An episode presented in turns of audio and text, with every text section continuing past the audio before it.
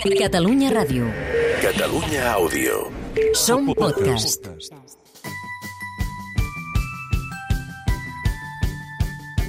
Sants i estalvis. La salut que depèn de tu. Amb Adam Martín. Hola, benvinguts al Sants i Estalvis. Ja ho sabeu, el programa d'hàbits saludables de Catalunya Ràdio. Nutrició, alimentació i activitat física. Avui parlem d'un d'aquells productes que generen molta confusió en totes les persones que estan interessades o que esteu interessades en el tema de la salut. Es tracta del cafè.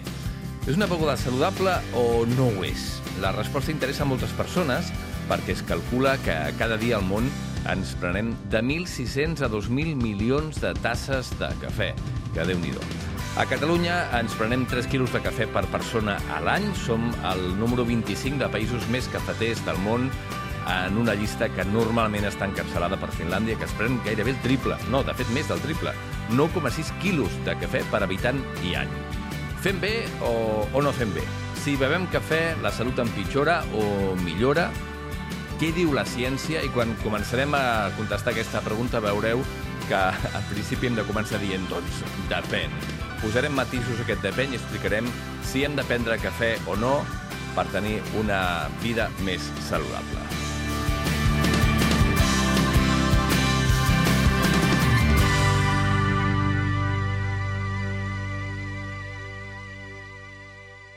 I si parlem de cafè, la llegenda comença fa molts anys a Etiòpia, amb un pastor de cabres.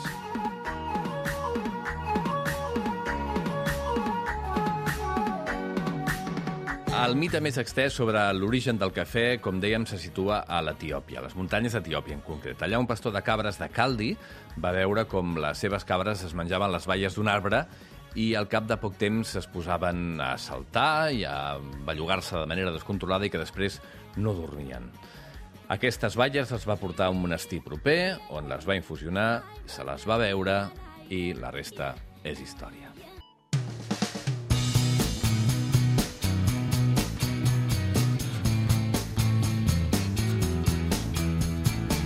Durant molts anys es va dir que el consum de cafè era dolent per la salut. I, de fet, als anys 70 del segle passat, molts estudis relacionaven el consum habitual de cafè amb problemes cardiovasculars.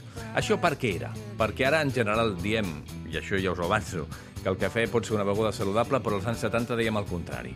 Doncs, bàsicament, com sol passar sempre, perquè no s'havien fet bé els estudis. S'havia vist que prendre cafè incrementava la mortalitat, però aquests estudis no tenien en compte un factor molt important, que era que molta gent fumava quan prenia cafè i això n'alterava totalment els resultats. D'estudis avui en dia n'hi ha de tot tipus, n'hi ha moltíssims que associen el consum de 3 tasses de cafè al dia amb la reducció de la mortalitat prematura, Uh, hi ha un estudi, per exemple, de l'Institut for Scientific Information on Coffee que diu que el consum moderat de cafè de 3 a 5 tasses al dia pot reduir en un 20% el risc de patir Alzheimer perquè podria ajudar a prevenir les plaques de proteïna que es formen en aquesta malaltia. Però, com diem, sempre hem de vigilar una mica amb els estudis, sobretot amb els estudis que no són d'intervenció, aquests estudis que s'anomenen observacionals, que observen el consum i a partir d'aquí treuen conclusions s'ha de vigilar. Per exemple, en aquest cas de l'Institute for Scientific Information on Coffee, és un institut format per sis de les grans companyies de cafè europees, Illy, Jacobs, uh, Dow, Egbers, Lavazza, Nestlé, Paulic i Chivo. Eh, això no vol dir que els resultats siguin falsos, però vol dir que, com a mínim, ens els hem de llegir amb un cert escepticisme. Per què? Doncs perquè són estudis observacionals, com deien, que no poden fer aquesta afirmació ni cap de manera categòrica i només poden apuntar relacions. De la mateixa manera que als anys 70 no van tenir en compte els fumadors en els seus estudis, potser ara no estem tenint en compte altres variables. Potser ara la gent que pren cafè té una vida més saludable, una vida més activa, potser tenen una dieta millor. Són coses que també s'han d'introduir a dins dels estudis per poder fer afirmacions categòriques, tan categòriques com aquestes. De tota manera, el que sí ens diu la ciència, en general, el que sí sabem amb l'evidència científica actual, és que prendre cafè no només no és perjudicial en la majoria de casos, després ho matisarem això, sinó que en molts casos pot ser o pot tenir algun petit benefici sobre la salut. Això té a veure amb moltes de les substàncies que conté el cafè, no només la cafeïna.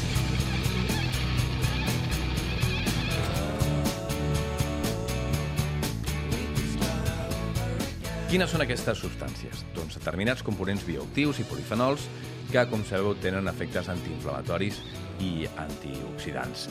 El consum de cafè també està associat amb una reducció de la probabilitat de patir diabetis tipus 2 i també redueix l'oxidació del colesterol dolent, l'LDL, i millora els nivells d'adiponectina, que és una hormona que fabriquen les cèl·lules de greix, els adipocits, i les cèl·lules del cor. La diponectina augmenta la utilització dels greixos i millora la sensibilitat de la insulina i l'entrada de glucosa dins de la cèl·lula, de manera que redueix els nivells de glucosa de la sang i, per tant, per això està associat a una millora amb el tema de la diabetis tipus 2. Altres estudis també associen el consum excessiu de cafè amb problemes amb els ossos, amb problemes estomacals, segurament per l'àcid clorogènic, etc. Per tant, a qui hem de fer cas? Sing it, cause you're my coffee lover, love me so. Doncs hem de fer cas una mica de tothom, perquè encara que no ho sembli, aquests estudis no són contradictoris els uns amb els altres perquè associen els riscos o els beneficis a la quantitat de cafè que consumim cada dia. A banda que és el que diem sempre, no podem posar tots els ous de la salut a la mateixa cistella. Si volem millorar la diabetes tipus 2, millorar els nivells de colesterol, millorar l'oxidació dels lípids, els greixos, etc, no podem eh, dependre només del cafè. Hem de fer moltes coses relacionades amb la dieta, evidentment, però també amb l'activitat física, per millorar tots els paràmetres de salut. Per tant, d'entrada el consell seria, si vols millorar algun paràmetre d'aquests que hem dit, no diguis, ah, només prenc cafè i ja està, perquè la veritat és que la solució, com sempre, és multifactorial. Per tant, alguns consells sobre el consum de cafè, sobre qui el pot prendre i, en alguns casos, sobre qui no l'hauria de prendre. D'entrada, quan te'l prens, si se't posa bé i t'agrada, doncs cap problema, endavant les atxes. En canvi, si notes que t'excita massa i que et posa com aquelles cabres d'aquell pastor de cabres de les muntanyes d'Etiòpia, doncs l'hauries de deixar. No s'haurien de prendre més de 3 o 4 tasses de cafè al dia. El consens científic ens diu que prendre més de 400 o 500 mil·lígrams de cafeïna al dia és directament perjudicial per la salut. En canvi, quantitats inferiors poden tenir beneficis per la salut. Per tant, eh, la recomanació seria, tenint en compte que una tassa de cafè típica de bar conté entre 60 i 125 mil·ligrams de cafeïna, doncs prendre com a molt 3 o 4 tasses al dia i això sí que estaria relacionat amb la salut. Sempre insisteixo que aquest cafè no ens posi nerviosos. Per què algunes persones els altera més que altres? Doncs perquè hi ha una sèrie de persones que tenen un polimorfisme genètic, un determinat canvi genètic que fa que el seu fetge metabolitzi la cafeïna de forma més lenta. Per tant, la cafeïna està present a la sang durant molt més temps. En principi, el cafè comença a fer efecte a partir dels 15 minuts que l'hem pres, l'efecte màxim es comença a generar a partir dels 45 minuts i a partir d'aquí va baixant. I en principi, en una persona normal, el cafè s'elimina del cos en unes 4, 4 hores i mitja, 5 hores aproximadament. En canvi, en el cas dels metabolitzadors lents, aquest cafè pot estar present en sang fins i tot 8 hores després d'haver-lo pres. Per això moltes persones, quan prenen cafè, encara que sigui al matí o a mitja tarda, després no poden dormir.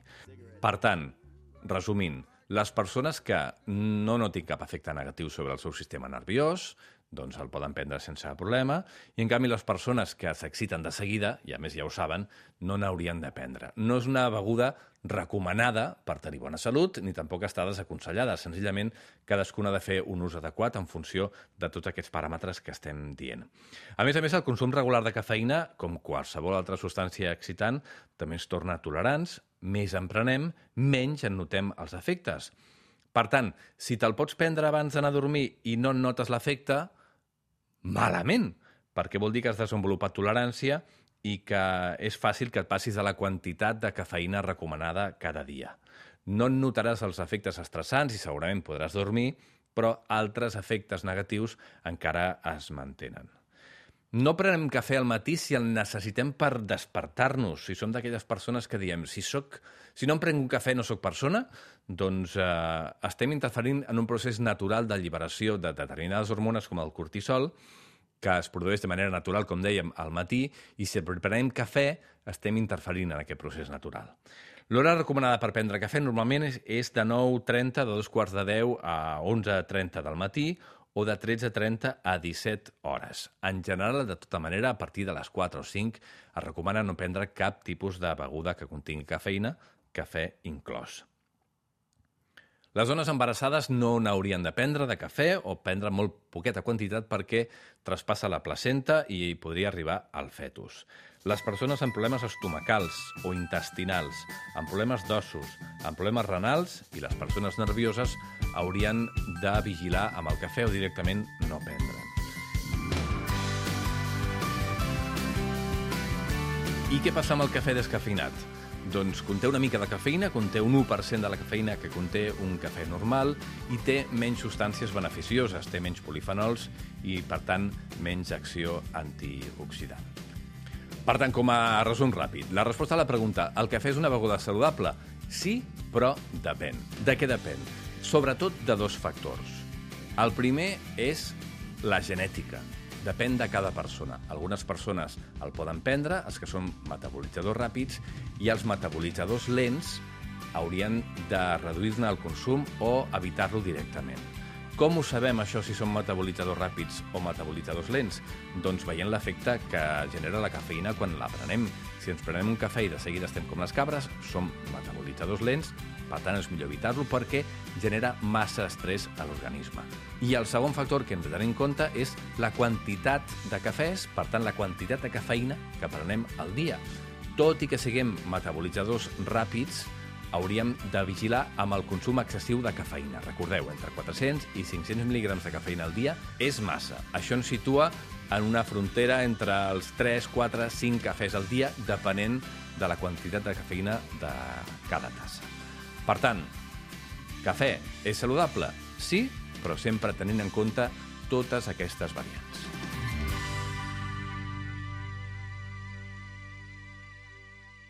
Sants i Estalvis, amb Adam Martín. Catalunya Ràdio. Catalunya Àudio. Som podcast.